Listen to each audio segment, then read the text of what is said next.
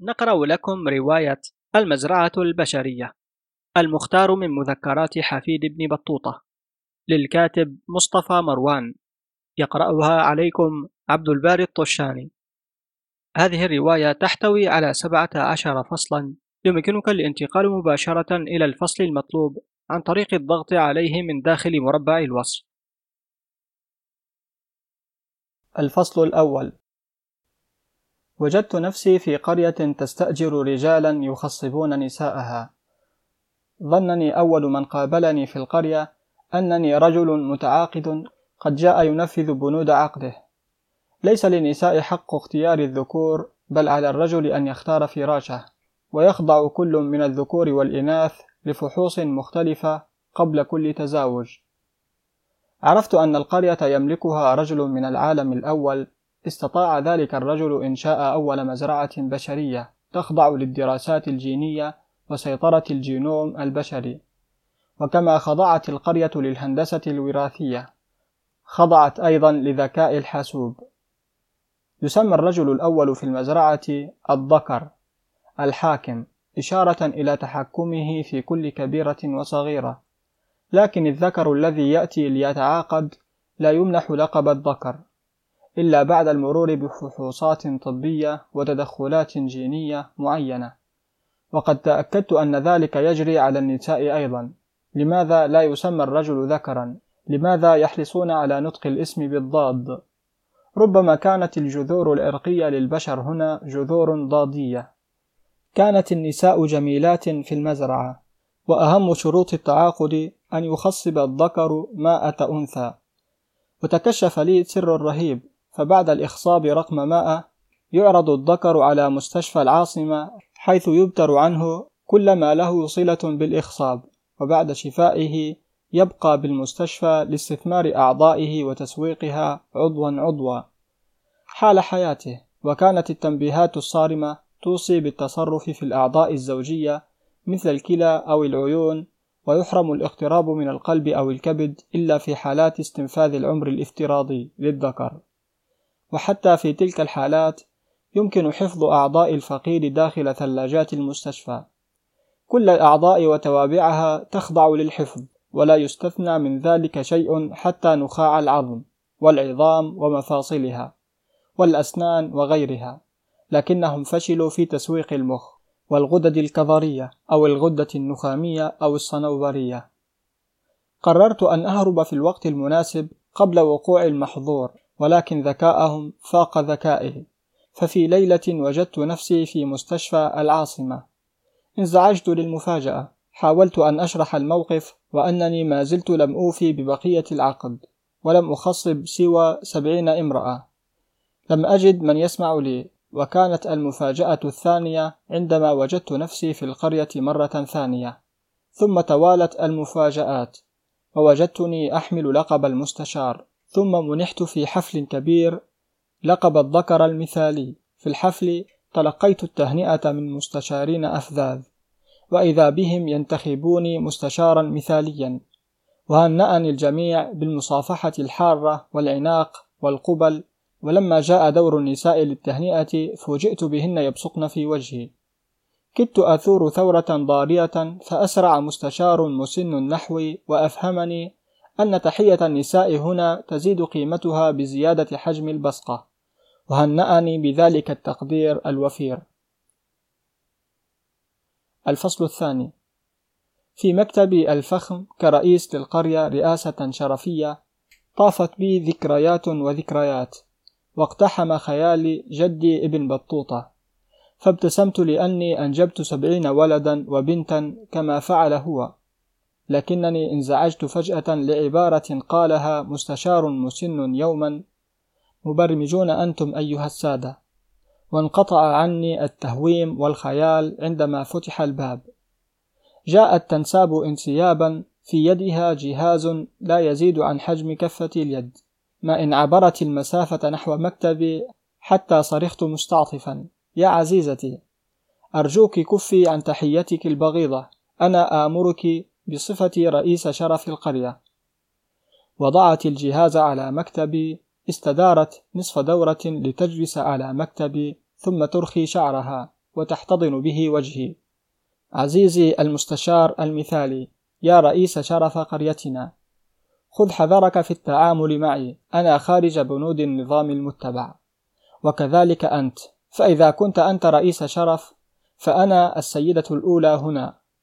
لقد تركوا لك رجولتك وعقموا عندي التبويض لأسباب سوف تسمعها الآن. ما إن أكملت حديثها حتى تدفق من الجهاز صوت أنا الرجل الأول. تحياتي للمستشار المثالي. كيف حالك يا بطوط؟ لم أجب فأحاطت عنقي بذراعها وألصقت خدها بخدي ثم قالت أجب يا بطوط. لا تنسحق اندهاشا استمع جيدا. انطلق الجهاز ثانية. بطوطة في خدمتك نفذ ما قالته بطوطة. ثم أردف ألست حفيد ابن بطوطة؟ لقد حافظنا لك على مذاكيرك وحفظنا لها أنوثتها من التبذل فيما عدا إخراجها من دائرة الحمل والولادة. وقررنا أن تكون أنت هديتها وتكون هي هديتك. أنتما زوجان على سنة المزرعة البشرية. عفوا يا سيدي لا أفهم. كذبت أنت تفهم. لقد فشلنا في استئصال الذكاء عندك. إن أعدى أعداءنا من يفهمون لكننا نثق بك. ثم إنك في طوق بطوطة زوجتك. ولا نخشى من خططك التي قرأناها في تفكيرك عن الهرب.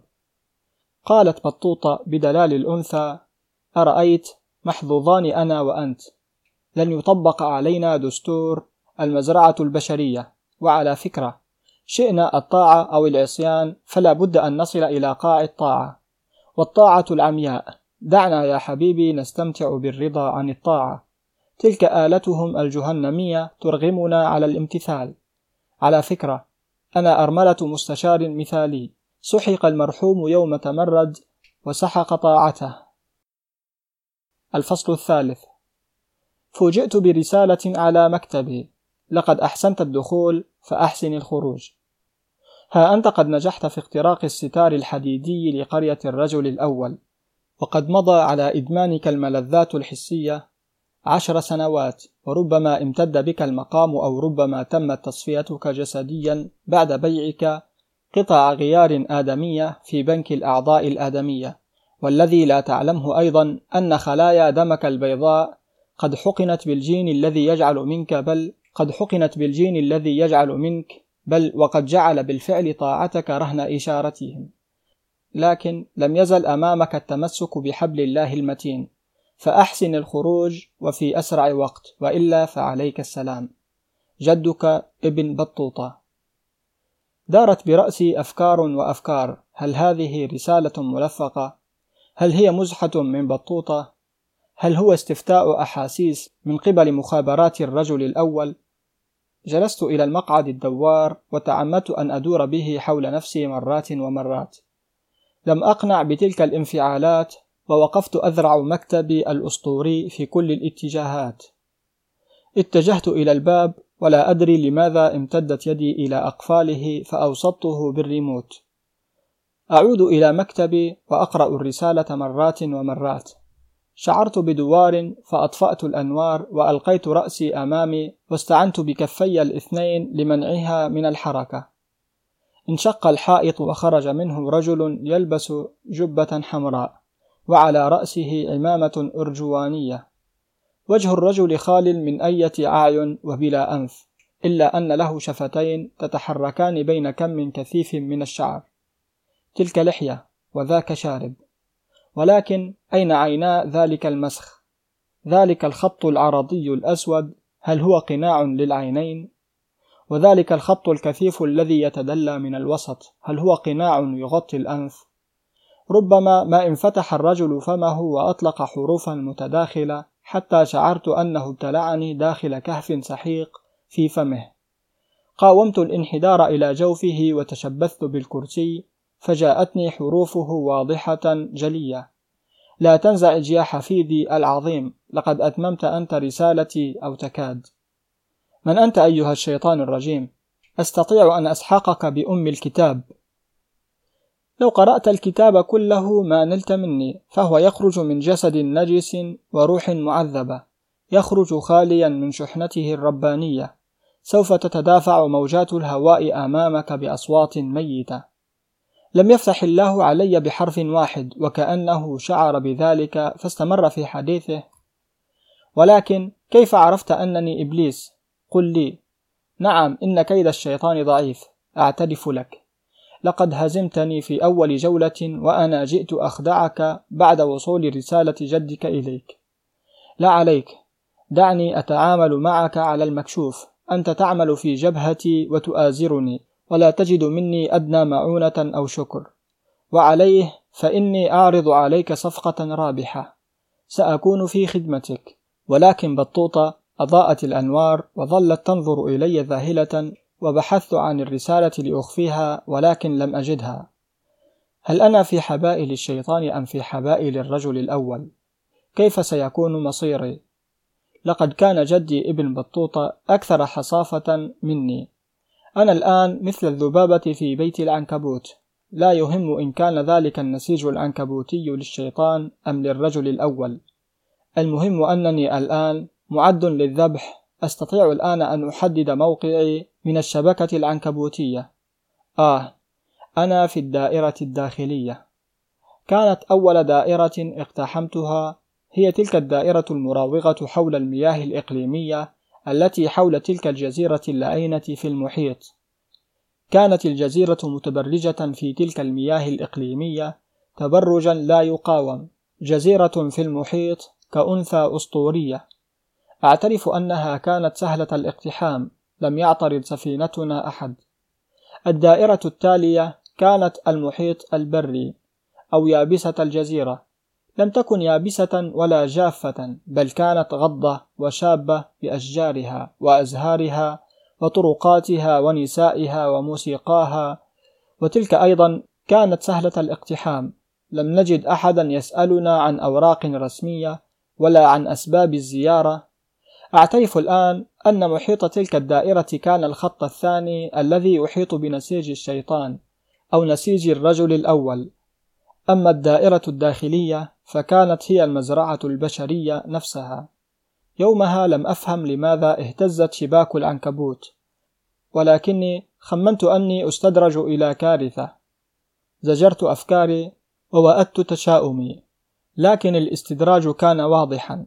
الترحيب المغري تيسير كل خطوة حتى غرقنا في ملذات لا تقاوم. أعرف الآن أنه كان يمكنني الإفلات من الدائرة الوسطى إلى الدائرة الخارجية ولكنه دنيء ونهم ذلك الجسد ذو الخمسة وعشرين عاما. للأسف كنت أقلد جدي ابن بطوطة في بدء أولى رحلاته في ذلك العمر وأسفاه فلا أستطيع الآن. وبعد تلك السنوات العشر لا يمكنني الخروج من تلك الدائرة المركزية إلا صاحت بطوطة. بشرى لك ولي. سنخرج من المحيط إلى العالم. هناك أخبار أننا أنا وأنت سنبعث في مهمة سرية. سنغادر تلك الجزيرة يا بطوط إلى اليابسة المتسعة. استعد يا بطوط لرؤية العالم. لقد سئمت وجهك الممل يا حبيبي. الثقة كاملة فينا يا بطوط. أبشر يا حبيبي البائس الجميل. الفصل الرابع. هبطت بنا الطائرة. وفي صالة الوصول فوجئت بمن يتقدم نحوي وفي يده جواز سفر فيه اسم غير اسمي ويأمرني بلطف باتباعه. ابتسم لي وجرني بخيط خفي فقدت أثر بطوطة. وقبل أن أتابع البحث عنها ابتسم لي مرافقي قائلا تمت إجراءاتك هيا إلى الفندق. ثم مال نحوي ممازحا مرحبا بك يا دكتور. لم أكد أبدأ الاستفهام عن لقب دكتور حتى قطع حروفي. لا تحاول يا بطوط هذا أول ما تحفظه. أنت الدكتور لا تنس بياناتك في جواز سفرك. في الفندق فوجئت ببطوطة وما كدت أتوجه نحوها حتى راحت تتباعد ثم زاغت إلى رجل أجزم أنه يشبهني تماما. قد أكون مخطئا وقد تكون تلك البطوطة ليست بطوطتي.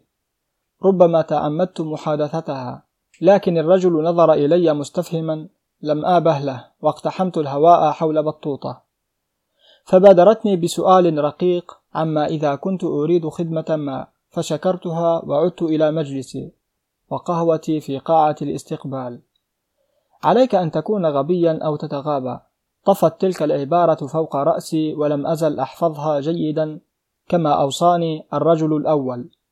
لا أدري لماذا أشعر بالغربة. هل أصبحت القرية والمزرعة البشرية موطنا تشدني إليه أواصر خفية؟ في المرات السابقة التي كنت أغادر الجزيرة جوا كنت أحرص على رصد طبوغرافية الجزيرة أو سطحها بدقة. الدوائر الثلاث ثابتة لم تتغير وتبدو تلك الدوائر من الجو أكثر وضوحا وجلاء. في اللحظات التي تحوم فيها الطائرة مقلعة ولتستوي على ظاهر الجو وقبل اتخاذ طريقها المرسوم في تلك اللحظات كنت أشحن إثارة وشغفا بتحديد موقع تلك الجزيرة المرجانية الغامضة في ذلك المحيط الشاسع. كانت الدائرة الخارجية في هذه المرة أكثر كثافة وبرقشة.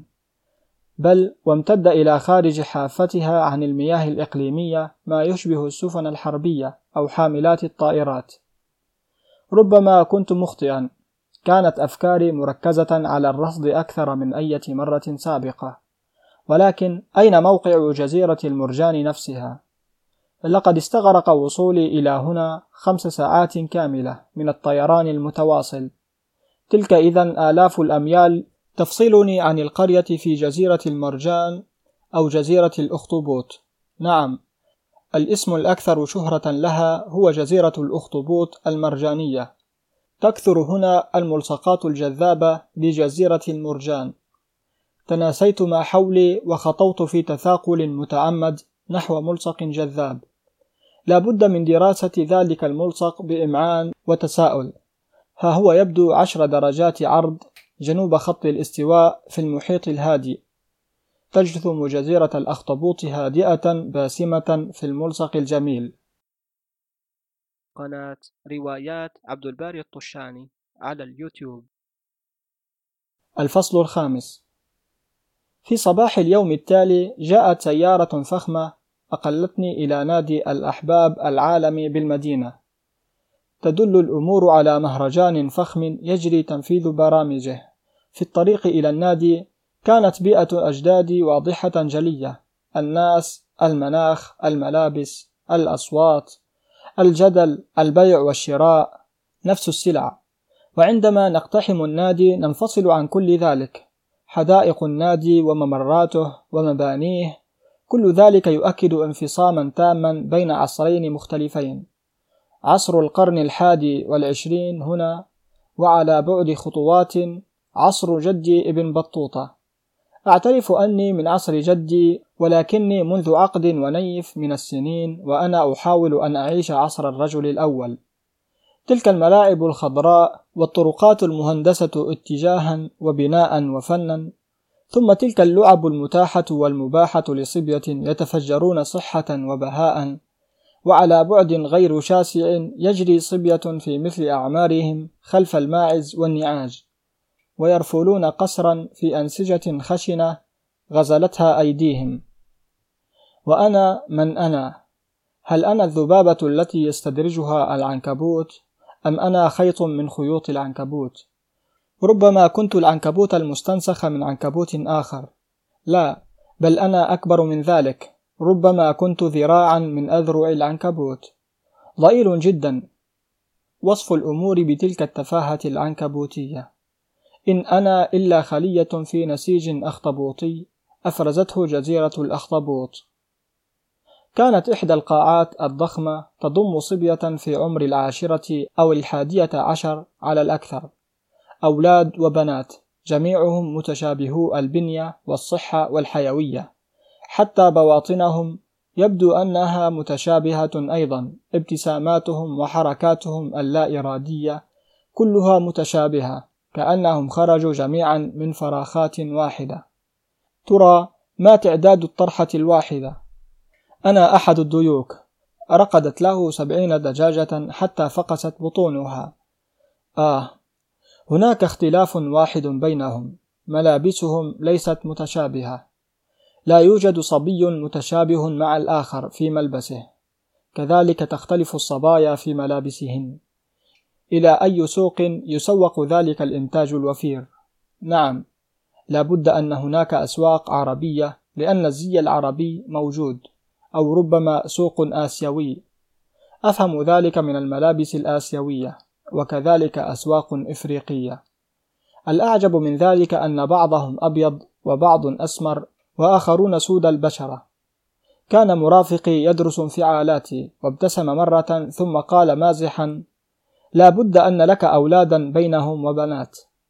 وأجلسني مرافقي إلى منصة فخمة في مركز الصدارة.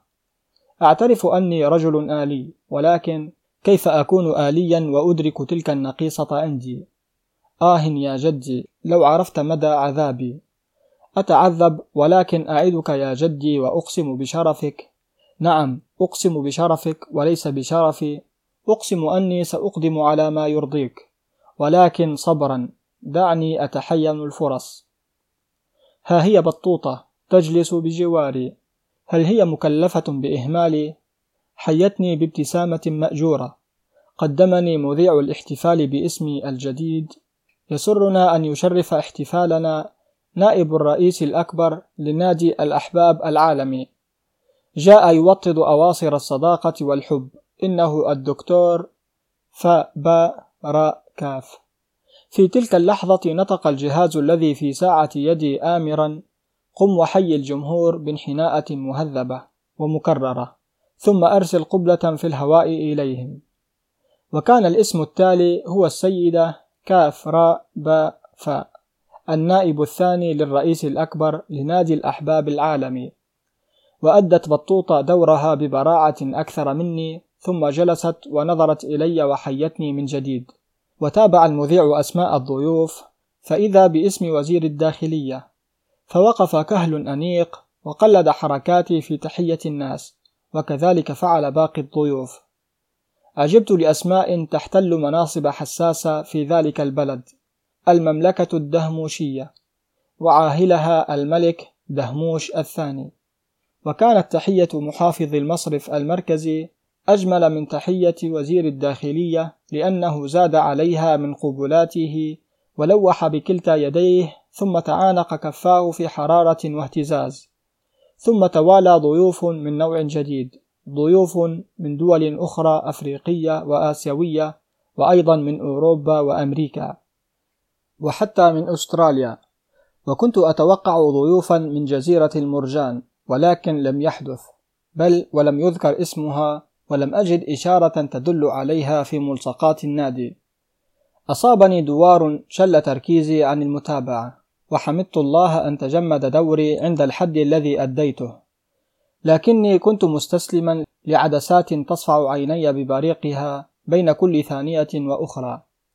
ها هو وقت الفرجة والمشاركة السلبية قد انتهى لأن الفقرة التالية كانت في ملعب فخم مجهز بأحدث الإمكانيات التقنية والرياضية.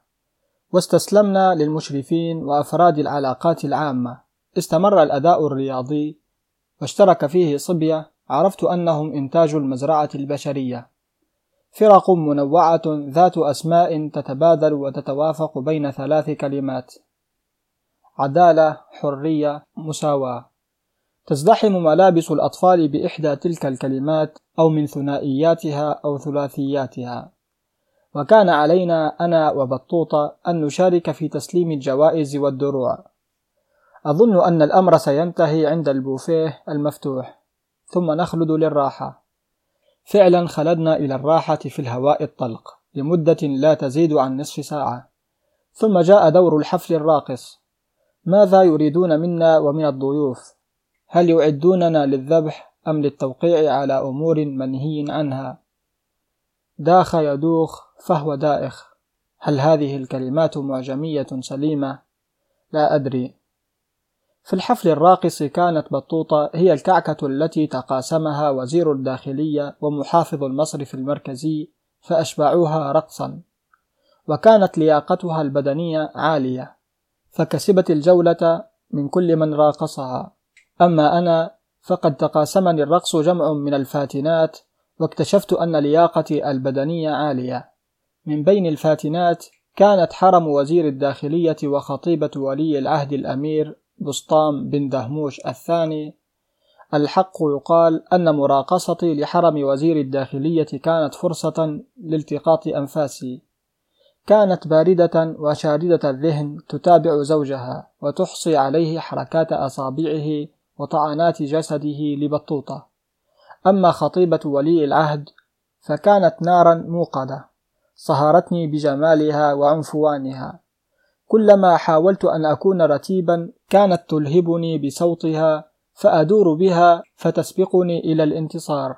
حاولت أن أجر عربتها مستسلما فتركت هي العربة وقفزت على الحصان. كان الحصان أسرع من العربة فظل يجري بها حتى همست له بأمرها.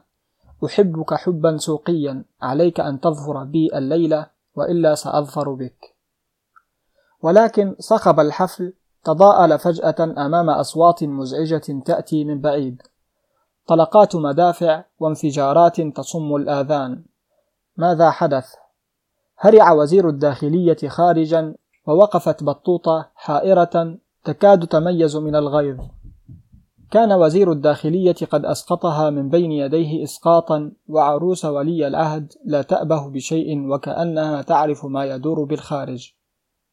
قالت بعد أن كبحت جماح صوتها المسلط علي يبدو أن ليلة كاملة من الحزن ستمر بي. أتدري؟ لقد قتل ولي العهد. قتل خطيبي بسطام. ولا مفر من أن أحزن في ضيافتك. لن أسمح للحزن الكذوب أن يسرقني منك. لم أكد أندهش حتى فاجأتني بقولها كل شيء مدبر تأكد أنك لست أبي. أنا ولدت في المزرعة البشرية قبل أن تنضم أنت إليها بزمن بعيد. أنا عروسك الليلة. أشعر بوخزة في أنفي تلك علامة أعرفها. إذا ستنبض ساعة يدي. سيتحدث الرجل الأول. قال الرجل الأول لا تدبر لك مخرجا مع عروس ولي العهد. اجعل تصرفاتك تلقائية. نحن دبرنا لك الخروج من دائرتها الليلة. عادت الراحة إلى أنفي كأن خيطا كان يشده وانقطع. تلا ذلك ضجيج سيارة إسعاف يقترب. فنظرت من الشرفة لا بد من صلة بيني وبين هذه الإسعاف القادمة. يصحب السيارة من أمامها سيارتان حكوميتان. تقدم إلي رجال مهذبون وقادوني بتبجيل وعناية إلى سيارة الإسعاف. لا بد من العناية بك الليلة عناية تخرجك من انفعالات اليوم وتوتراته. ابتسمت في طمأنينة وها أنا في سبيلي إلى الإفلات من حصار عروس ولي العهد. جناحي بالمستشفى لا يقل راحة ولا فخامة عن جناحي بالفندق. لكن فكري خاب بما لم أتوقعه. جاءت عروس ولي العهد في إثري. لا بد من السهر عليك يا عزيزي لا تنزعج سأكون حيادية والأيام قادمة. معذرة يا عزيزي لا بد من استخدام نفوذي لإنقاذ صحتك. كنت مطمئنا لدستور المستشفى الذي سيرحمني من الجبروت الجهنمي للأميرة. قالت الأميرة غدا تكون أحسن حالا لا تبتئس يا عزيزي بطوط فوجئت بها تنطق اسمي الحقيقي أو ما يعتبر حقيقيا خلف اسمي الجديد الدكتور فاء باء راء كاف. تغابيت عن مكر الأميرة وسحقت اندهاشي لكنها فاجأتني مرة أخرى وقالت لا تحزن على ولي العهد إنه لم يقتل ولم يجرح. غدا تسمع بيانا حكوميا من وزارة الداخلية ستسمع عن نجاة ولي العهد من محاولة فاشلة لاغتياله.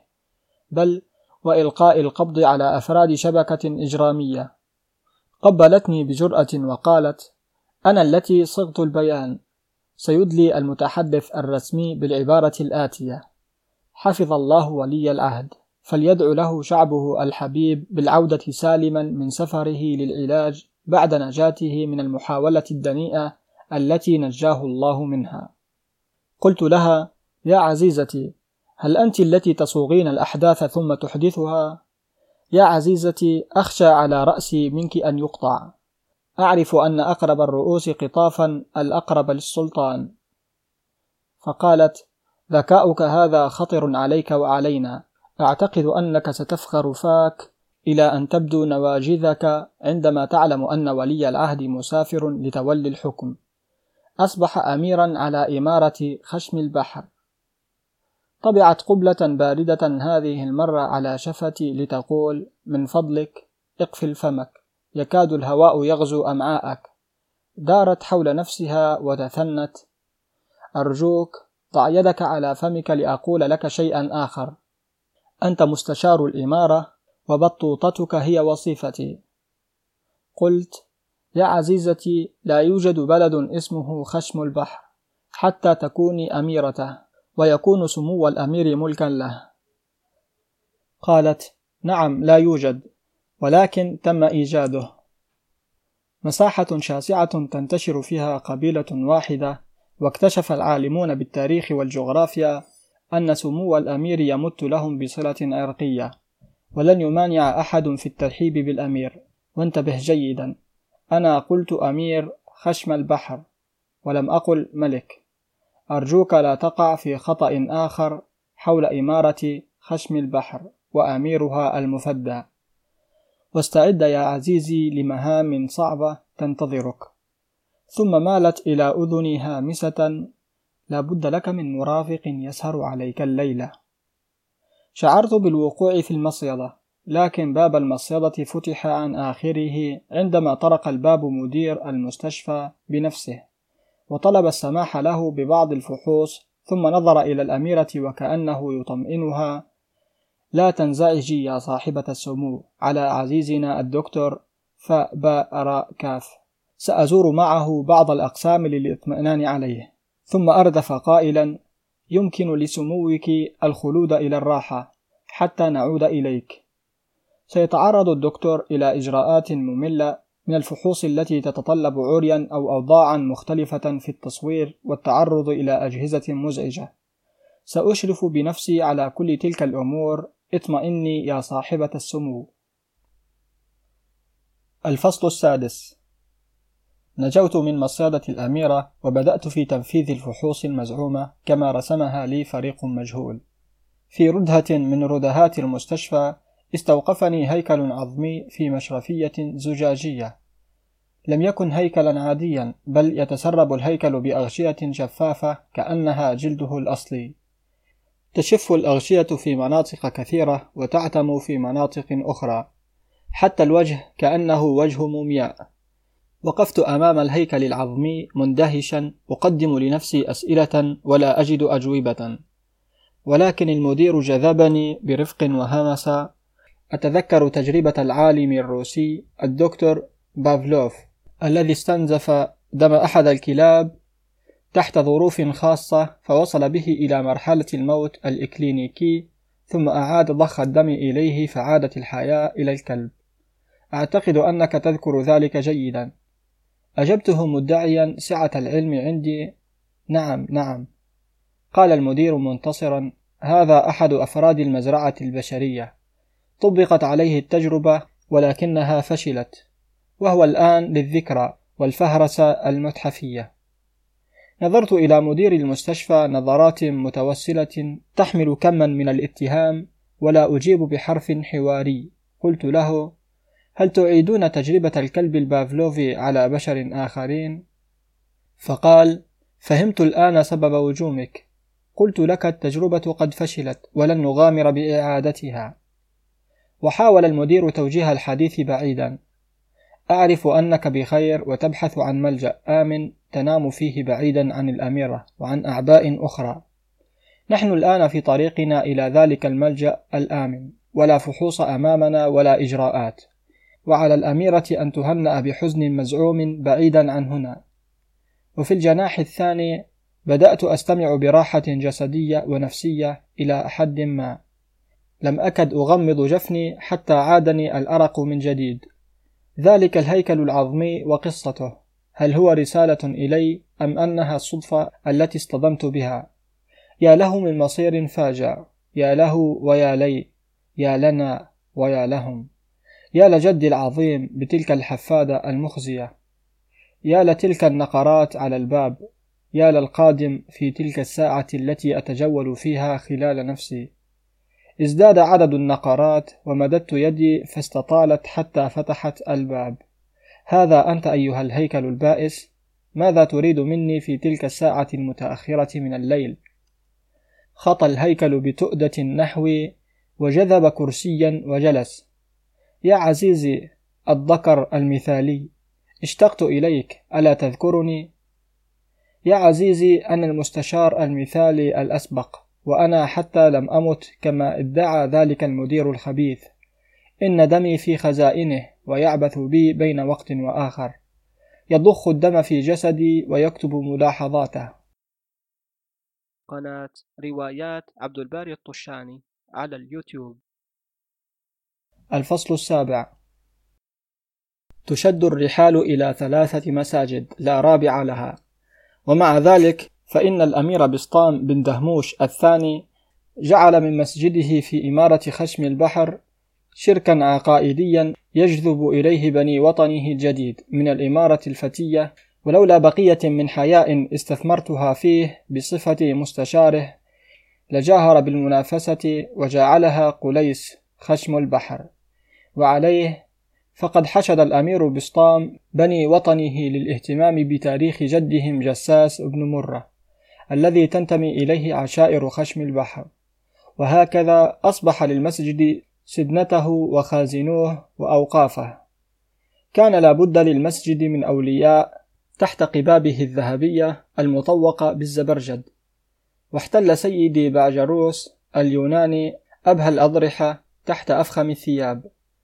سيدي باجروس جاء على ظهور الإعلام الإذاعي والتلفازي. ولم يكن الإعلام الصحفي أقل أهمية منهما بل ساهم بنصيب كبير في تقديم معجزات سيدي بعجروس مما كان له الأثر العميق في أهالي الإمارة وخاصة النشء الذي حفظ الأناشيد التي تمجد الأمير وحارسه الخفي سيدي بعجروس كما نظمت ليالي المولد كل عام.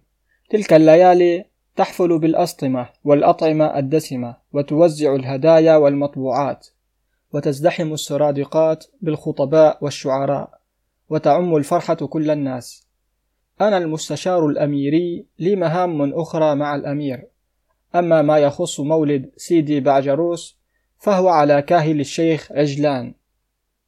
استطاع الشيخ عجلان أن ينجح بتفوق فيما يريده الأمير بسطام. كان ينفذ أفكار سيده قبل صدورها. جاءت بطوطة وبسقت محيية من بعيد. توجست شرا اقتربت وهي تتمايل. يا عزيزي بطوط لك عندي أخبار غير سارة. سوف نغادر أنا وأنت إلى المزرعة البشرية من جديد. لقد تمت تصفية الملك دهموش الثاني وذهبت أسرته إلى عاصمة الإمبراطورية. قلت لها نعم تناقلت الأخبار ذلك الحدث المأساوي ولكن لم يحدث أي انفعال في خشم البحر. لا حزن الأمير بسطام ولا نكس أعلامه حدادا ولا احتج ولو لمرة واحدة على ما حدث. ولكنه هاجم قادة الانقلاب وتوعدهم بالويل والثبور وإعادة أمجاد المغفور له جلالة الملك دهموش الثاني. مرت أيام وأيام دون أن ألحظ تغييرا في الأمور. فلا سافرنا إلى المزرعة البشرية ولا نقصت أعمالي اليومية شيئا. غير أني لاحظت كثرة التصاق بطوطة بي مع مزيد من شكاواها ضد الأميرة. وكيف أنها تحكم سيطرتها على الأمير وتكاد تحكم نيابة عنه. نعم صدقت بطوطة في مخاوفها. إذ استدعتني الأميرة وطلبت إلي مرافقتها في جولة حرة على الخيل في أرجاء المدينة. أمرك يا صاحبة السمو سوف أصدر أوامرك لتأمين الجولة. فوجئت بها ترد منفعلة. أصدر أوامري أيضا بترحيل بطوطة الليلة إلى خارج البلاد. أرى أنها استنفذت جميع خدماتها لنا. ثم استطردت. أما الجولة فسوف أحدد موعدها في وقت آخر. عليك بالسهر على إخلاء ذمة بطوطة قبل طردها. امنحها فرصة إلى الغد حتى تدبر أمرها. خرجت من قصر الإمارة وأمواج من الأفكار والحلول تتلاطم في ذهني. فاتجهت مباشرة إلى مكتبي واستسلمت لتنسيق الحلول المختلفة التي استعرضتها أو عرضت أنساقها علي. لكن بطوطة اقتحمت المكتب واتجهت مباشرة إلى الأوراق التي أمامي. ماذا تفعل يا عزيزي بطوط معذرة لعدم تقديم تحيتك المستحقة؟ اسمعيني جيدا يا بطوطة. الأمر خطير بالنسبة لك. أنت في موقف حرج وسمو الأميرة أمرت. قاطعتني وقالت سمو الأميرة تعيش أنت. كانت امرأة رائعة الجمال. لقد قضت عليك وامتهنتك مسكينة. كانت أجمل بنات المزرعة البشرية. رددت عليها وأنت التي قضت عليها؟ قالت بل قضى عليها طموحها. أنا تقبلت العزاء فيها وحسب. أما كيف ومتى غادرتنا إلى مصيرها فلا أعرف. وقفت بطوطة منتصبة ومنتصرة ثم ابتسمت. استعد للعودة إلى المزرعة البشرية. أنت قلت ذلك من قبل ولم يحدث. بل حدث ما قلت. نحن الآن في المزرعة البشرية. جاءت المزرعة إلينا في خشم البحر أو قل إمارة المزرعة البشرية. بل هي إمارة الملك بسطام. أقصد مولاي الملك بسطام. ملك؟ قلت الملك؟ نعم. أصبح سموه ملكا وسوف نحتفل بتتويجه. وفي خضم الاحتفالات تنتقل المزرعة البشرية بأكملها. إذا لا داعي لإبلاغك بأوامر الأميرة وأنا لا أصدق كثيرا مما ذكرت. لا أوامر للموتى يا حبيبي.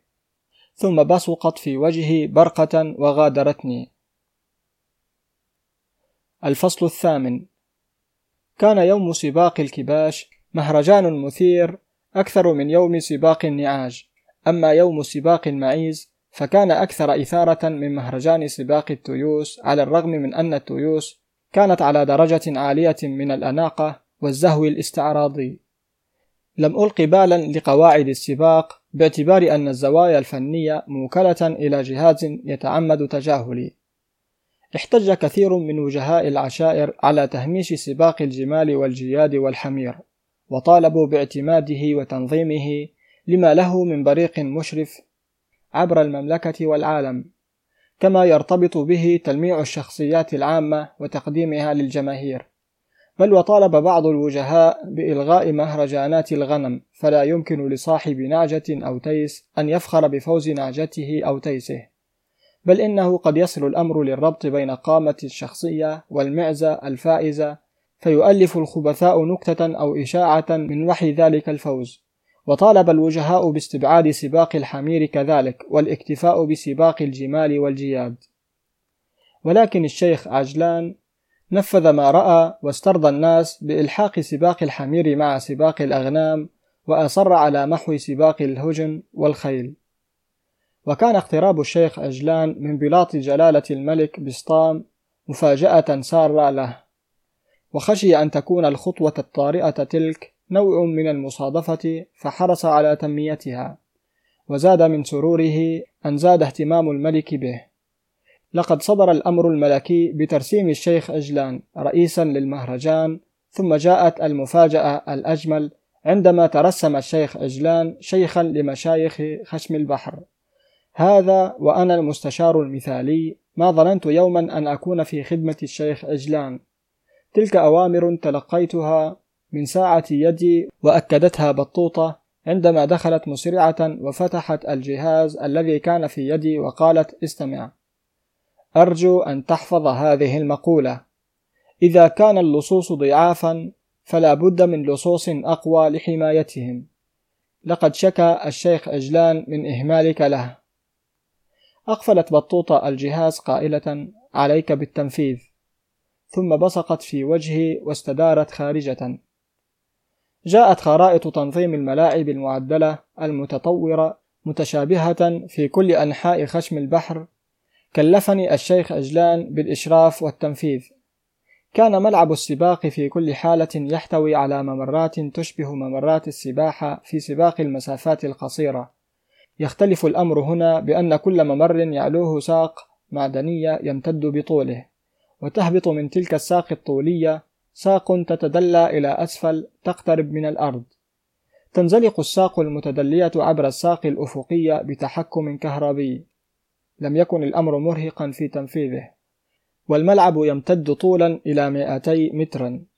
ويحتوي هذا الملعب على خمسين ممرا ذات حواجز على امتدادها لا تزيد عن خمسين سنتيمترا. فوق كل ممر يمتد ذلك الساق الأفقي وتتدلى منه تلك الساق التي تنتهي بمخلب معزول من الألياف الصناعية وحشدت مولدات كهربائية قوية يمكنها عند العمل أن تتحكم في انزلاق السيقان المتدلية عبر القضبان الأفقية. هذا ويمسك كل مخلب بحزمة من البرسيم أو أية نباتات مغرية للأغنام كأنه يد الراعي فإذا ما بدأ السباق يفتح الممر أمام العنصر المتسابق لكي يلتهم العشب في المخلب المتدلي. ولكن الانزلاق عبر الساق الهوائية يجعل المتسابق يجري خلفها وتسجل أزمنة الوصول لمعرفة أصحاب الميداليات الذهبية أو الفضية أو البرونزية. والملفت للانتباه ملابس الأغنام المبرقشة بالألوان البراقة كما صممت قبعات لكل عنصر حيث تشد إلى أعناقها منخنقة إلى خناقها بأشرطة حريرية جذابة. وأمرني الشيخ عجلان بتصميم ملاعب خاصة بالحمير. واستطاع الشيخ عجلان أن يسيطر على عواطف كل المشايخ الآخرين. وطلب إليه كثير منهم تعميم الأنشطة البهائمية في مناطقهم. وأصبح من دواعي تلك المهرجانات إقامة استراحات فخمة تناسب الضيوف المدعوين من خارج البلاد خاصة أعضاء نوادي الأحباب العالمي. وأتبع ذلك رواجا اقتصاديا ممتدا هذا بالإضافة إلى أطنان الحلوى واللبان والفشار والبطاطس المحمرة والمياه الغازية التي كانت تغمر الضيوف والأهالي. وخلال ذلك ظهر غزو المزرعة البشرية وإفراخها للبلاد بطريقة محتشدة بالود والترحيب. وكان المثير أكثر وأكثر قدوم نساء المزرعة البشرية وانتشارهن بملابسهن الأنيقة في المهرجانات وغيرها. بل وتوزعن في جميع أنحاء خشم البحر. الفصل التاسع. أمرني الشيخ عجلان بإبرام العقود الجديدة نيابة عنه وسلمني خاتمه لينوب عن أميته تلك العقود التي أتاحت له تأسيس مصانع اللبان والحلوى وأمرني بالتوسع في مصانع الفشار والبطاطس المحمرة والبالونات. أرهقني الشيخ عجلان إرهاقا شديدا لم أتعرض له لا في المزرعة البشرية ولا في بلاط الملك بسطام. أدى ذلك إلى الاستعانة بجهاز ضخم من المساعدين. تطورت الأمور في أنحاء خشم البحر طولا وعرضا. وتناسخ من الشيخ عجلان مئات آخرون ولكنهم جميعا تحت جناح الشيخ الأكبر ورضاه وامتد طموح الشيخ عجلان إلى السيطرة على اقتصاد خشم البحر جميعها. فتدخل في صناعة الفن والمنتديات المختلطة فتقربت منه الصحف ونوافذ الإعلام المختلفة. لكن الصحف بدأت تثير مشاكل من نوع غريب. قراء يهاجمون البذخ في الإنفاق على ملاعب السباق وبعض المقالات كانت على أسس علمية فأبرزت إحصائيات عن الأموال المنصرفة وعلى سبيل المثال كان آخر الإحصائيات تدل على صرف ما قيمته أربعة ملايين نعجة وخمسة ملايين معزة بالإضافة إلى نصف مليون كبش ومليون تيس. كما أن رسائل قراء آخرين انتقدت استيراد البرسيم بدلا من البرسيم المحلي. أما تعليقات المحررين على رسائل القراء فكانت من باب التفكه أكثر مما كانت للإقناع. قناة روايات عبد الباري الطشاني على اليوتيوب. الفصل العاشر. في عيد ميلاد جلالة الملك بسطام كانت الاحتفالات متنوعة في كل المناطق بالإضافة إلى احتفال مركزي في العاصمة. كان جهدي المبرمج أن أزور كل مشايخ العشائر بطائرة مروحية للإطمئنان على تنفيذ المهرجانات على أكمل وجه. ومن حسن الحظ أن عيد جلالة الملك يمتد أسبوعا وهذا مكنني من التقاط فترات من الراحة. وأغاظني كثيرا أن مجهودات بطوطة تركزت في خشم البحر العاصمة بينما توزعت مجهوداتي على طول البلاد وعرضها في الاحتفال الأول الذي أشرفت عليه من بدايته كان البرنامج يبدأ بسباق الحمير ومجال السباق يمتد عبر فضاء ممهد لبضع كيلومترات. وحرصا على الديمقراطية كان شيخ المنطقة يركب حمارا مثل باقي الحمير لكن حماره كان مبرقشا بألوان زاهية وتنغرس في بردعته مظلة براقة الألوان. جاءته مع البردعة هدية من نادي الأحباب العالمي. وإصرارا على الديمقراطية كان يضع في قدميه نعلين بسيطين دون أي جورب يميزه عن الآخرين وفي كل نعل خندق لإصبع قدمه الأكبر مع حزام ليفي يكسوه قماش للقدم. كانت المفاجأة المحبطة لي من ساعة يدي. اترك الفوضى كما هي لا تتدخل. سوف يسعدك أن ينبثق النظام من خلال الفوضى. ثم نطق الجهاز مرة أخرى. لا تمانع في مبيت ضيفة الشرف في قصر أو خيمة الشيخ البلد. بل عليك أن تمهد لذلك. وقبل أن أهضم ذلك الأمر صدر أمر آخر. دع شباب القبيلة وفتياتها يموجون في شباب المزرعة لا تتدخل مطلقا. الفصل الحادي عشر. قاد السيارة المكيفة شاب يمرح في أزمنة العقد الثالث من عمره. كان يلبس ثوبا حريريا ترصعه أزرار الذهبية وينسدر على رأسه وإلى كتفيه وشاح أنيق كبقية أهل البلاد. نظرت إليه معجبا بأناقته وحرصه بين الفينة والأخرى على اللمسات الناعمة بأصابعه الطرية على الطرحة التي يتحجب به كل شعر رأسه وكتفاه. وكنت مخطئا عندما ظننت أن الأمر كله لا يعدو تغطية الرأس بأي طريقة كانت ولكن الأسلوب كان معقدا بخطوات وشروط ثابتة. مما يجعل غطاء الرأس هذا جذابا بشكل تنافسي مع الآخرين. فلا بد للوشاح أن يكوى بطريقة معينة بأن يطبق من قطريه تحت ضغط المكواة فيصبح مثلثا وذلك المثلث يطبق إلى مثلثين أصغر تحت حرارة المكواة وعند وضع الغطاء على الرأس يصبح المثلثان الصغيران جناحين متناسبين فوق المفرق تماما فيكون الحد الفاصل بين مثلثي الوشاح موازيا تماما لمفرق الشعر في منتصف قحف الرأس.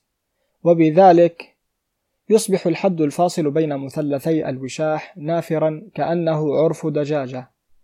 وكما تمتد أي سيدة حلواء أطراف أصابعها لإعادة خصلة شعر نافرة إلى الخلف كذلك كان يفعل السائق المهذب مع أطراف طرحته الأنيقة.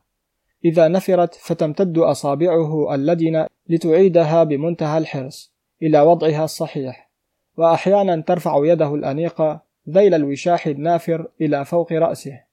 عندئذ يبدو جانب من الوجه والأذن وجزء من الشعر المرجل بعناية كما يمتد سافل إلى أسفل ويستدير حول أسفل الأذن بطريقة هلالية. ابتسم الفتى ردا على انبهاري به وكنت أظن أن إعجابي خفي عنه ويخصني وحدي إلا أنه كان يلحظني أيضا كجزء من الطريق الخلفي خلال مرآته العاكسة. عند باب الدخول إلى المطار ودعني الفتى الطري وقبلني فطارت منه رائحة عطر أنثوي وهمس لي. أرجو أن تتوسط لي في السفر إلى كلية المزرعة البشرية للدراسة. سوف أقابلك مرة أخرى لتوضيح الأمر. كانت الطائرة المروحية مريحة في ذلك اليوم فلم يبتعد تجوالي في مستوطنات المزرعة البشرية في خشم البحر. بضع عشرات من الكيلومترات. كانت تفصل بين مؤسسة بشرية وأخرى فلم أمكث كثيرا في الطائرة في كل مرة غير أن المستوطنة قبل الأخيرة تركت لدي آفاقا متداخلة من التفكير. اختزنت تلك الآفاق في ذاكرتي وأثبت أهم بنودها في ورقة صغيرة. كان المثير للانتباه في تلك المستوطنة ذلك اللقاء الحار إزدحم عدد كبير من الشباب من الجنسين تبينت في صفاتهم كل ما يشي بأنهم أبناء المزرعة البشرية. ذلك شيء يخلو من الغرابة. صحة جمال رشاقة أناقة وبشاشة. أما الغريب في الأمر هو تحلقهم حولي ومحاولة تقبيلي. وناداني بعضهم باسم بابا وآخرون قالوا لي يا أبي ونادى أحدهم قال أهلا يا أباه المهم أني أخذت ذلك اللقب بالإجماع. ولكن يحتاج ذلك الأمر إلى تفسير. إن أقصى عدد من البيض الذي رقدت عليه دجاجاتي هو سبعون.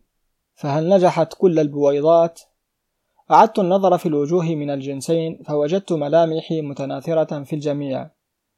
ملامحي في جزيئات قد تشمل العيون أو الحواجب الأنوف أو حتى القامة والأطراف أو الصوت.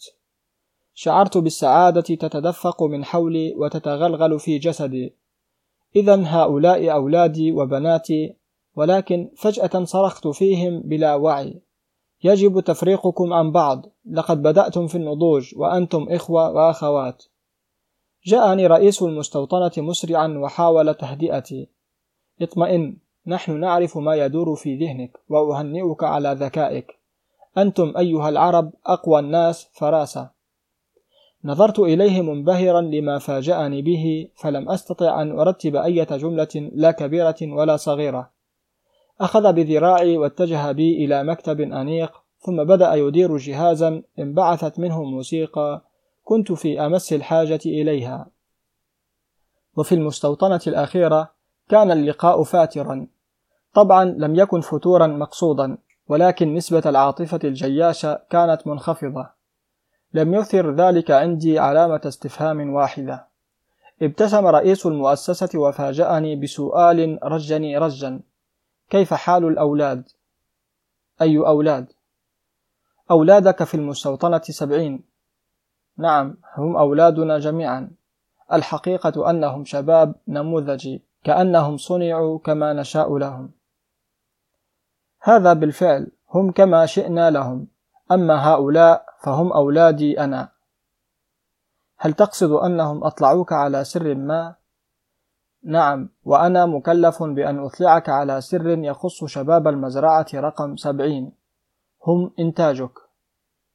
صحت محتجا بما حاولت إخفاءه. ولكن هؤلاء الشباب أخوة وهم الآن في عمر السيطرة الجنسية. أنا لا أتكلم مدافعا عن الفضيلة فقد دفناها منذ زمن بعيد. ولكن أتحدث من الناحية العلمية ستكون هناك نتائج مدمرة. اطمئن يا زعيم. اطمئن. لقد عقم كل الذكور وهم في المهد. ألقمني أكثر من حجر فلم أعلق بكلمة. بينما استمر في حديثه البنات عندنا هن ملكات النحل المبرمجة أما الذكور فلهم وظائف أجل من وظائف ذكور النحل البري. أتدري أن زيارتك هذه هي وداع للفوج الحالي؟ جيل الشغالة النحلوية. من يودع من؟ أنت تودع أبناءك حتى تلتقي بهم مرة أخرى في بلدان أخرى. نحن نستأجر ذكور نحل يقتلون ونحافظ على الشغالة هؤلاء. لا أفهم. هل تقصد أننا ذكور نحل معدة للقتل؟ هؤلاء الشغالة سيرسلون إلى نقاط خامدة في العالم أو قل نقاط ساخنة إذا شئت. وسيوزعون فرادى لا جماعات وسوف تكون أنت حلقة الوصل بهم. وأشفق عليك من الجهد المضني الذي ينتظرك. عفوا تلك هي الرسالة التي كلفت أنا بإبلاغك إياها. الفصل الثاني عشر. بدأ تنفيذ المرسوم الملكي بإنشاء جامعة المغفور له الملك دهموش الثاني. حرص الملك المفدى بسطام على البدء بكلية الدراسات الدينية على نفس النمط الذي يجري به التدريس في أرقى البلاد المجاورة. وبذلك بدأ اسم الملك بسطام يتردد مع تردد اسم الكلية حتى تم افتتاحها في زمن قياسي. وغلب اسم كلية بسطام على أي اسم آخر. ألسنة الشعب تردد الاسم بتلقائية وكان الملك سعيدا بالاسم الجديد الخالي من الهوامش المتعلقة باسم الجامعة الطويل. وصارحني ذات مرة بذلك عندما قال كلية بسطام عندما تنطقها الألسنة تجعل اسمي يتردد على ألسنة الناس مئات الآلاف من المرات. ثم أردف كأنه دعاء يا عزيزي كأنه دعاء وكان ارتباط مسجد الملك بسطام بالكلية المنشأة في جواره سببا في انتشار الوافدين من دول أفريقية وآسيوية للدراسة والسياحة. واقترح الشيخ أجلان إجراء تسهيلات معيشية للدارسين أو حتى الزائرين فلم يمض عام وبضعة شهور حتى كان مجمع بسطام السكني جاهزا لاستقبال الدارسين والزائرين من خشم البحر أو من دول أخرى إذ ينقسم المجمع السكني إلى قسم ثابت للدارسين وقسم آخر للضيافة بخدمات فندقية مجانية للزائرين. الفصل الثالث عشر في حضرته عندما استدعيت بطريقة مفاجئة قال جلالة الملك بسطام غاضبا تعلم أن مملكة المغفور له الملك الشهيد دهموش الثاني قد استباحها من يدعي أنه من نسل كليب بن وائل ورفع نفسه ملكا عليها والآن بعد استتاب الأمور له يحاول أن يثأر لجده كليب من أحفاد جدي جساس بن مرة. وأنا المستهدف من ذلك بل إن خشم البحر هي هدفه الأول. قال ذلك ثم وقف فعرفت أن المقابلة انتهت. شحات يسيدك يعرف مدى خطورتي ولا يمل من التعالي والتكبر. يظن من يرصدني في ذلك المشهد أنني لا شيء ومع ذلك فهو أخف وطأة وأظرف من تحية بطوطة البغيضة. أهكذا سحبت مني الإرادة. تعال يا أبا شمس الدين محمد ابن عبد الله. تعال يا ابن بطوطة اللواتي الطنجي. هل هو صحيح أنك من قبيلة لواته الكنعانية؟ التي طردها بنو داود وسليمان من فلسطين إلى طنجة وسواحل بحر الظلمة. ها هو حفيدك يا ابن بطوطة في خدمتهم. ها هو قد عومل معاملة الكلب البافلوفي وقد حقنت خلايا دمه البيضاء بجينات الطاعة والانقياد. لأوقفن نوبة اللطم والندب ولأعترفن لك يا جلالة الملك بسطام بحبي وانقيادي لأوامر جلالتك. لقد تم تنفيذ تسولاتك إلى سيدي وسيدك الرجل الأول. كان جهاز الإرسال مفتوحا في يدي لتلقي أوامرك التسولية وأنا لم أزد عن كوني جهاز إرسال. وحسب. تم يا سيدي صاحب الجلالة استقبال تسولاتك في بؤرتها الحصينة. ولكن لماذا تم القبض علي وإيداعي سجنكم الناعم هذا؟ أعتقد أن ذلك تم بعد تنفيذ طلباتكم. الحق يقال السجن مريح لأنه لا يعدو أن يكون تحديد إقامة موقرة أشعر بالحرمان من بطوطة ومن تحيتها البغيضة أعتقد أن أسابيع قليلة قد مضت وأنا أعاني من الوحدة والحرمان وإلى أين ستنقلني تلك السيارة؟ لا بد من استخدام حواسي الخمس ولا مانع من استخدام الحاسة السادسة وتوظيفها ما هذه الأسلحة المكدسة في الطريق؟ على طول المسافة التي قطعتها السيارة كانت الأسلحة تبدو واضحة. أصبحت خشم البحر ترسانة أسلحة. لا بد أن ثمنها استنفذ ملايين وملايين من النعاج والتيوس عدا المعيز والكباش والحمير. وربما من الجمال والخيل. لقد توقف سباق البهائم وبدأ سباق الرصاص. تقول حاستي السادسة أن المملكة الكليبية قد حشدت من الأسلحة ما يكفي لتدمير خشم البحر. الرجل الأول صديق العدوين. لا أدري إذا كنت نمت بإرادتي أم أنهم اختاروا لي النوم. الشيء الذي أذكره أن السيارة قد دخلت إلى المطار. أعتقد أني استسلمت لراحة جبرية تزيد عن خمس ساعات. عندما استيقظت كانت الطائرة تستعد للهبوط وتحوم فوق جزيرة الأخطبوط المرجانية.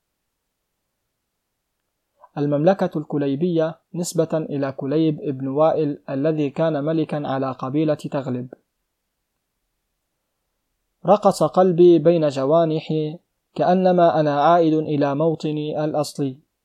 لا أدري لماذا فرحت فرحا طفوليا. ها هي الطائرة تحوم فوق أرخبيل بين ذراعين من أذرع الأخطبوط.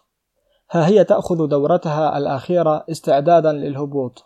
وعندما دخلنا المزرعة البشرية فوجئت بالنساء تحييني بالقبلات والأحضان ولا أثر للتحية البغيضة. كانت بطوطة بين النساء واحتضنتني في قبلة طويلة. همس مرافقي تظنك الحسناوات متعاقدا جديدا أما التحية التي تخشاها فلم تتغير. إنها تدريب على التعايش السلمي مع الواقع الذي يحتاجه العمل. هو بند أصيل في دستور المزرعة البشرية التعايش السلمي مع الذل والانقياد. أيقظتني بطوطة بحميمية لم أعهدها من قبل. ما الخطأ الذي وقعت فيه في حضرة جلالة الملك بسطام؟ أو لماذا أجدني معك في ذلك المعتقل؟ هيا احكي لي أنت الآن أحسن حالا. يا له من دور حمى رهيب ذلك الذي مررت به. ألسنا في جزيرة الأخطبوط المرجانية؟ لا لم نبرح خشم البحر. المهم أننا كلانا في حالة إقامة جبرية في هذا المكان. مسحت بطوطة على جبهتي وتابعت حديثها. البلد في حالة طوارئ ويتوقع العالمون ببواطن الأمور هجوما من الملك هجرس للاستيلاء على خشم البحر. وأنا ماذا فعلت وماذا حدث لي؟ لقد أغضبت جلالة الملك بسطام بسلبيتك.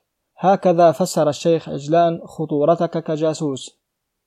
وما دخل الشيخ عجلان بالسياسة إنه ينعم في ملايينه التي هيأتها له. هذا يا عزيزي ما حدث وعلى أي حال فقد سافر الشيخ عجلان في سفارة سلمية لتهدئة الخواطر لدى الملك هجرس. بل هناك اقتراحات بأن يكون الشيخ عجلان سفيرا لنا لدى الملك هجرس. ضحكت بطوطة عندما رأتني أضرب جبهتي في غضب وأنظر إلى ملابسها المبتذلة وهيئتها السوقية ولا أستطيع نطق حرف واحد. هذه إجازة يا حبيبي في ذلك القصر ولم يقصر أحد في خدمتنا. الشيء الوحيد الذي نفتقده هو الخروج عن أعتاب هذه التحفة الملكية. تحفة أسطورية هنا على أعتاب المملكة الكليبية. وإذا كنت أنت لا تفهم بعض الأمور فأنا كذلك أغبى منك. جاء الخادم في ملابسه الوطنية يدفع أمامه عربة الشاي ثم جاء بعده خادم آخر يدفع عربة عليها الصحف والمجلات. اندفعت بطوطة إلى الصحيفة اليومية في بلاد الرجل الأول وقرأت بصوت عال القبض على جاسوسين في شبكة تدبر انقلابا في خشم البحر. الجاسوس يحمل اسما حركيا بطوط والجاسوسة اسمها الحركي بطوطة وقفت بطوطة وتمطت في ملل ثم قالت هل تظن أن الحرب ستقع بين المملكة الكليبية والمملكة الجساسية؟ لا تجب فأنت مرهق. ولكن قل لي عرفنا أن المملكة الكليبية نسبة إلى كليب ابن وائل. فهل تظن أن خشم البحر ستصبح المملكة الجساسية نسبة إلى جساس بن مرة؟ لا تجب فأنت عيل يا عزيزتي بطوطة أنت ثملة وحسب. لا عليك فلنستمع إلى قليل من الموسيقى. سأسمع معك بعض أعمال إختشادوريان. صرخت بطوطة محتجة. لا أسمح لك بتشويه اسم خاتشادوريان. ثم تمايلت وقالت هيا كن لطيفا وارقص معي قليلا. على فكرة ستكون أول من راقص الملكة جليلة بنت مرة. هيا تكلم. لا تكن حجرا. لابد أن تنشأ مملكة ثالثة. أنا جليلة بنت مرة سأكون ملكتها. لا تسخر مني. سأضم إليها مملكة زوجي كليب ابن وائل ومملكة أخي جساس بن مرة. مملكة خشم البحر سابقا. لم أجد ما أقول سوى أني نهرتها ببقية من شرقيتي المتهافتة. عليك أن ترتدي ملابس أخرى أكثر حشمة. لا ندري أين سيكون موقعنا الجديد. قالت لا عليك يا عزيزي ولكن أرجو أن تقبل أناملي قبل أن تدور بي في تلك الرقصة على أنغام سيدك خاتشا دوريان. لم نكد ننعم قليلا بالرقص حتى نبض الجهاز في ساعة يدي. يا بطوط هنا أمور خطيرة يجب تجاوزها. أنت تعرف أن الشيخ إجلان يدبر ضدك أمورا وقد استطاع أن يوغر صدر جلالة الملك بسطام فأوقع بينك وبينه. انتبه جيدا يا بطوط. إن دراساتنا لتاريخ وجغرافية الشيخ أجلان أوضحت أنه رجل صعب المراس وتذكر جيدا ما تغلب به العب به. تلك الحكمة الرائعة التي نترجمها نحن باسم النفعية أو البراغماتية. وعليك أيضا أن تتذكر باستمرار ما قدمه صاحب أعمدة الحكمة السبعة لنا ولغيرنا من مذكراته الخالدة. ثم أن جماعات حقوق الإنسان تدعم الحرية السلوكية للأفراد في أي مجتمع لا تكن غبيا يا عزيزي بطوط. لم أتوقع من بطوطة انفعالها. سأذبحك يا بطوط. ل... لم أتوقع من بطوطة انفعالها نحذفها استدرت ناحية بطوطة وقلت لها كم أتمنى أن أعود من ضلالتي؟ أعود رجلا بسيطا تحبه امرأته ويحبها. تغار عليه ويغار عليها. أتمنى لو أخرج من بئر النجاسة ولكنك مهلكة يا بطوطة أنت واليوم أحسدك على ظفرك بحقيقة واحدة تدافعين عنها. هو أنا المسكين. نعم المسكين الذي يبيح رفيقته طعاما للآخرين. اسمعيني جيدا يا بطوطة. أنا جاسوس عليك وأنت جاسوسة علي. لا يحدث تغيير في الأمور إلا إذا كان أحد منا طاغية. إما أن أكون أنا الطاغية وأرغمك على مطالبي والهرب بك إلى بلاد واق الواق. هذا لن يحدث لأنك قد توقعين بي في الطريق. أما أن تكوني أنت الطاغية فأنا أخضع لطغيانك ولن أغدر بك حتى تصلي بي إلى بر الأمان. فلا تراوغي يا بطوطة حتى توقعي بي في مصيدة المصير. أنا وأنت ذبابتان في نسيج العنكبوت. وسيحدث امتصاصنا بين لحظة وأخرى. لن آمن لك يا بطوطة حتى تكوني ذلك الطاغية الذي يرغمني على ما يريد. أنا أكثر وفاء ولسوف أحفظك وأطيعك. هيا افعلي بي ما تشائين نعم كن كما أنت ودعني أرغمك إلى ما أريد. اتفقنا؟ أنا الطاغية وسوف أخرجك من البئر. قبل منتصف الليل بدقائق انفتح باب الشرفة الموارب وملأ المكان رجال ملثمون في أيديهم أسلحة بيضاء. ابتسمت لهم كما تمايلت بطوطة ونطقنا بصوت واحد جئتم قبل الموعد بخمس دقائق. أردفت مكملا ولماذا هذا التمثيل المتقن؟ ما عليكم إلا أن تطلبوا منا الطاعة فنطيعكم. لا داعي لذلك التشنج. نحن في انتظاركم لخطفنا. قال أحد الملثمين هيا كما أنتم هكذا من باب الطوارئ. في خلال دقيقة واحدة كنا في عربة فخمة مكيفة. كنت أنا وبطوطة بين اثنين من الملثمين في المقعد الخلفي بينما اتسع المقعد الأمامي للسائق واثنين من الملثمين. فجأة نزع الملثمان لثامهما وأحاطا أعيننا بهما ثم جالت أيديهما في أجسادنا تنتزع أجهزة دقيقة مخبأة بين أفخاذنا. ضحكت بطوطة ثم قالت كأنكم خاطفون حقيقيون. قلت مكملا ذلك إخلاص لطقوس الاختطاف. أحترم فيكم الأداء الجيد. توقفت العربة الفخمة فجأة. فإذا بنا ننقل إلى عربة أخرى بعد تكبيل أيدينا إلى خلف الظهر. فوجئت بأني نقلت وحدي إلى العربة الأخرى. صرخت منزعجا وقد بدأت أشك في أمور كثيرة. أين زوجتي؟ أين هي؟ كانت الإجابة أن أسرع إلى فمي شريط ناعم أخرس فمي بدأت أشعر بخطر حقيقي هل تم اختراق خطة الاختطاف الوهمي؟ هل هو اختطاف حقيقي؟ كنت ما زلت أتمتع بحاستي السمع والشم تنسمت رائحة عطر أنثوي ممتزجة بعرق رجالي وقبل أن أخمن شيئا جاءني صوت عرفته في الحال إنه صوت السائق الطري الذي سبق له أن أوصلني إلى المطار منذ سنوات. هل يكون هو؟ ربما. قال آسري هامسا كنت أريد أن أشكرك في ظروف أفضل من هذه. لا تقلق سأرد لك جميلك في ظروفك الصعبة المقبلة أما الآن فلا تقلق. ثم تغيرت لهجته إلى النقيض إذ قال مكلف بقتلك على الفور إذا صدرت منك تصرفات مريبة.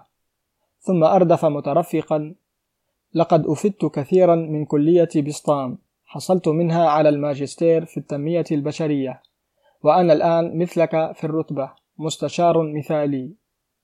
شعرت بشكة في ذراعي ألم خفيف هذه حقنة لا شك في ذلك.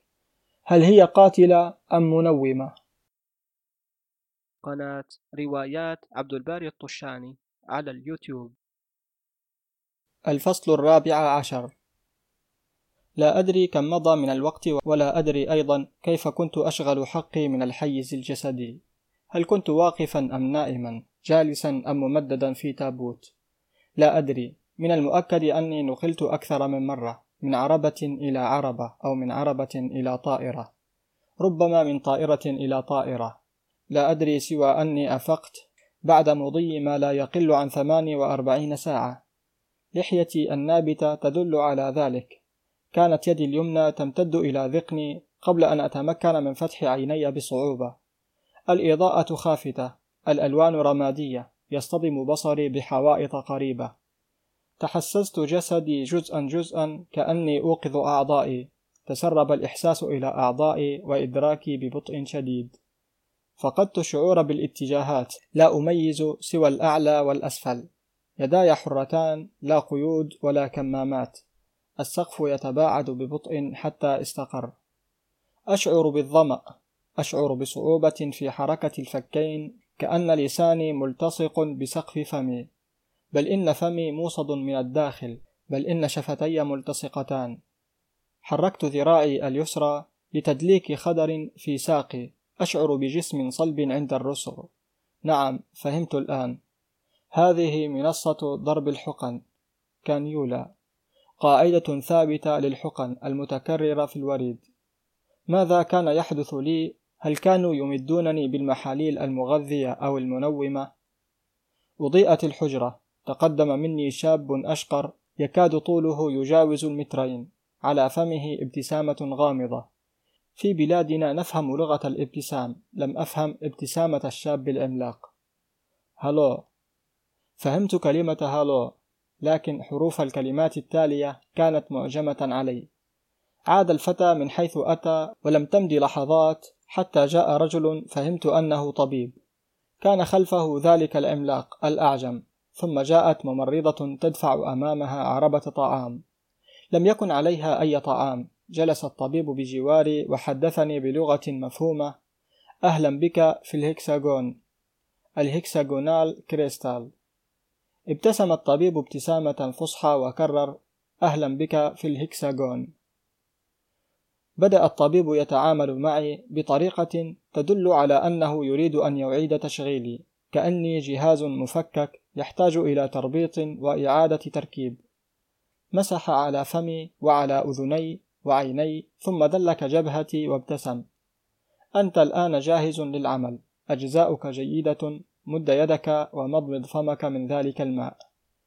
وقدمت الممرضة حوضا صغيرا أنيقا تلقف فيه ماء المضمضة.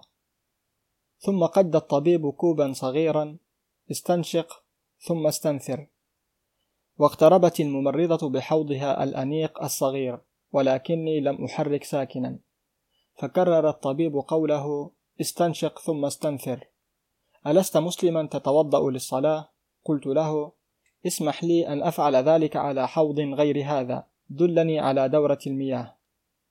قادني الشاب العملاق إلى دورة المياه فوجدت الطبيب في إثري ثم قال لا بد من الاستنشاق والاستنثار أمامي حتى أطمئن. وبالفعل أعدت الاستنشاق والاستنثار عدة مرات حتى شعرت براحة مفقودة تعود إلي. صاح الطبيب مستبشرا نعم نعم أنت الذكر المثالي. حقا لقد استطعت أن تظل مقفلا على نفسك لمدة يومين. تم نقلك خلالها من مملكة بسطام إلى الهكساغون. ثم أردف لديك مناعة يحسدك عليها أولئك الناس بني الأصفر. كما كان يسميهم جدك ابن بطوطة. أنا عربي مثلك لا تقلق. فأنا ذبابة أيضا في نسيج العنكبوت. ألست تقول ذلك في مذكراتك التي تظن أنها حصيرة عن غيرك؟ ثم أشار إلى الممرضة فأتت بزجاجة صغيرة قدمها لي قائلا استنشق منها ثم استنثر عدة مرات. أنت الآن جهاز قد أعيد تزييته وإعداده للعمل. ها ها ها. مرحبا بك يا بكر. الفصل الخامس عشر. بدأت الأمور تتضح لي شيئا فشيئا. ها أنا ذا في ديار الرجل الأول. لنرى ماذا وراء ذلك الاختطاف. اكتشفت أني في جناح أسطوري. نمت واسترحت وطعمت. فالأمر إذا في أيدي أصدقاء. اختفى الشاب المارد وحل محله حارس آخر. يا الله. السائق الطري. نعم هو. هل رافقني في رحلة الاختطاف؟ الشاب الطري يقترب مبتسما. أهلا بك. حمدا لله على سلامتك.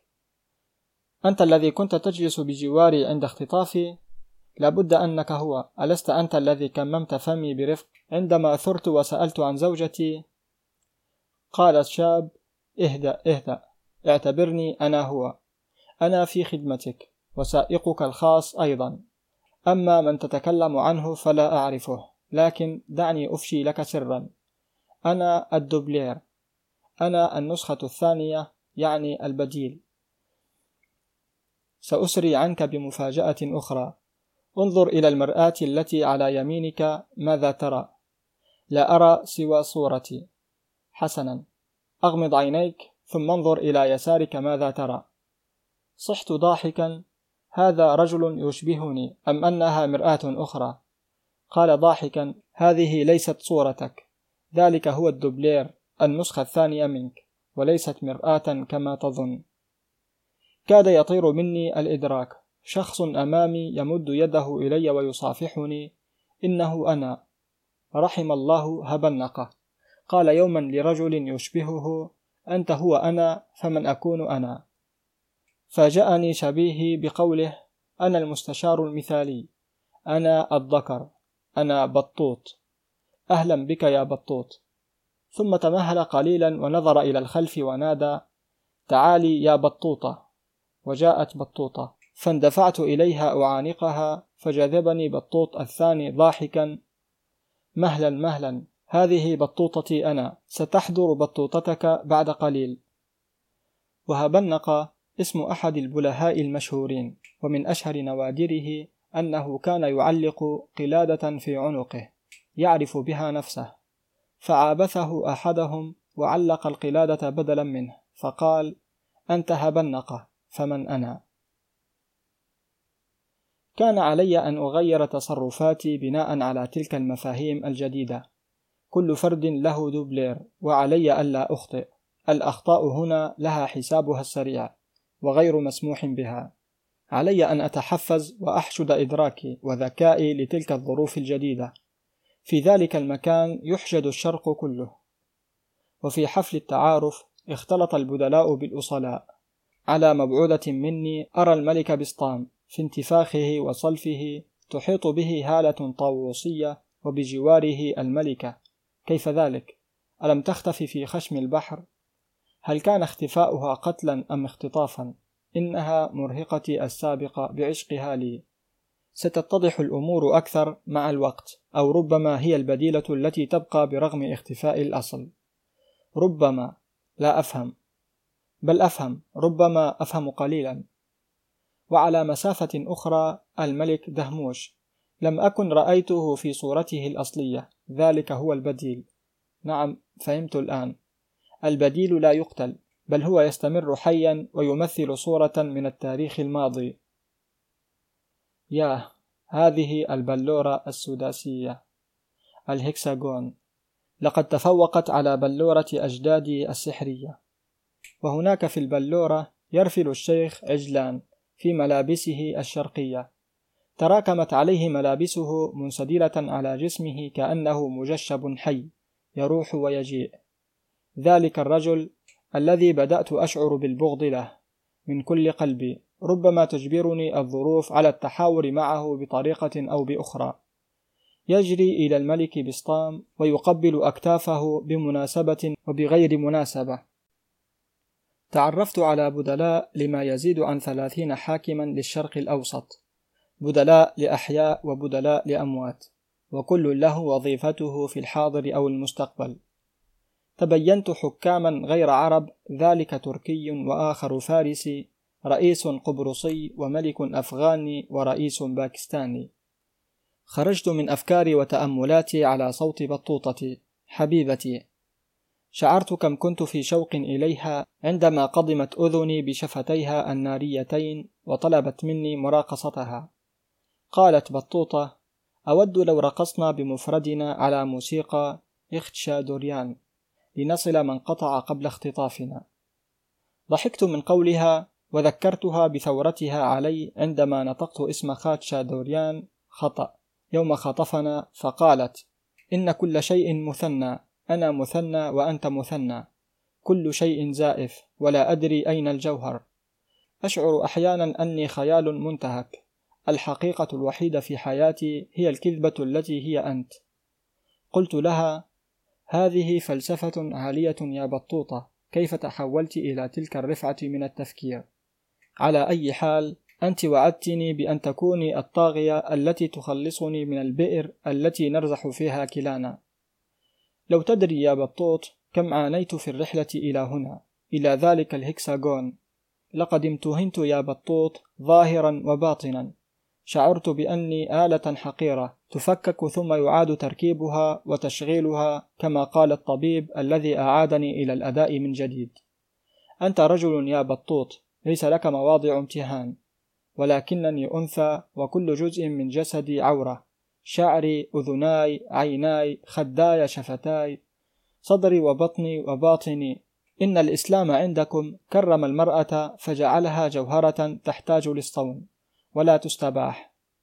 عرفت الآن كم هي كريمة تلك المرأة المسلمة ومحاطة بالعناية التي نتهكم بأنها تخلف. أقول ذلك يا بطوط لأني لم أجد من يدافع عني في رحلتي إلى ذلك الهكساغون الكئيب. لقد استباح الأصدقاء قبل الأعداء جسدي. لا تصدق لو قلت لك أن كل جزء من جسدي حدث انتهاك له وابتزاز حيواني. أيديهم تمتد إلى كل سنتيمتر من جسدي بقسوة يزعمون أنها متعة مجانية. قبحهم الله. عندما أخطفك يا بطوط إلى بلاد وأقواق سأعتنق الإسلام وأتحجب وأتبرقع. لم أجب بكلمة ازددت حزنا وحسب. فتابعت بطوطة فلسفتها. نعم يا بطوط لقد آمنت الآن أن المرأة شبع وري للرجل. والرجل جوع دائم وظمأ مقيم. أخطأت يا بطوطة هذا ليس صحيحا. أنا أعطيك احترامي وتقديري. قالت أنت يا بطوط تشبع مني وترتوي لكن ذلك الحارس الذي قيد يدي إلى ظهري لماذا ينسى تقييدي ويضمني إليه؟ لماذا يميل إلى شفتي ثم ينحرف إلى أذني ويتمسح برقبتي كل ذلك لم يكن من دواعي قيامه بتقييدي لكنه وجد الطعام والماء مجانيا أمامه. ربما لو كنت رجلا لتأفف من قيامه بتقييدي وربما أدى عمله بخشونة وقسوة. أما بالنسبة لي فقد كنت أتألم عضويا ونفسيا بينما هو يستمتع بهمجيته. ربما كان يا بطوطة ذلك الحارس من بلادنا. لا لا. بل كان من العلوج الكفرة على رأي سيدي الصحاف صاحب القبة الخضراء في مسجد بسطام أو ربما كان من الأصدقاء المكلفين بالتلطف في معاملتنا. جلست بجوار بطوطة صامتا منهزما ولكني شعرت بأهمية أن أسري عنها.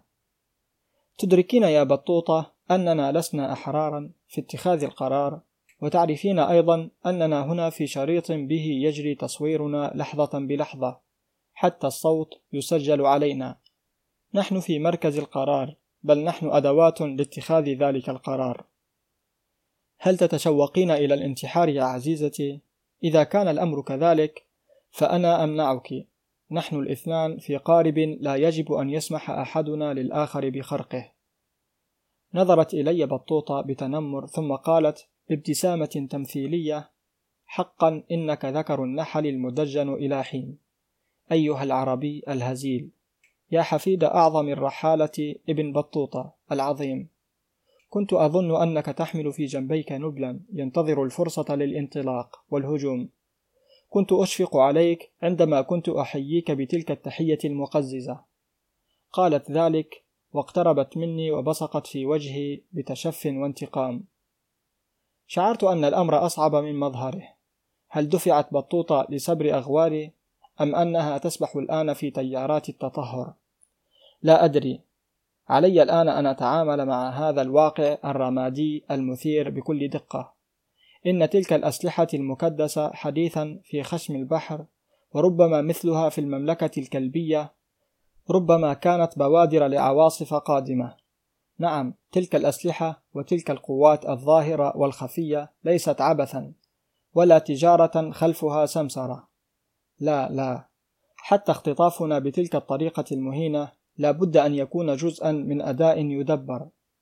كما أن المستوطنات ومن فيها من المزرعة البشرية تزداد اتساعا أما خيام البدو فتزداد انحسارا يعقبه ازدحام في الأطراف الميتة من صحاري خشم البحر.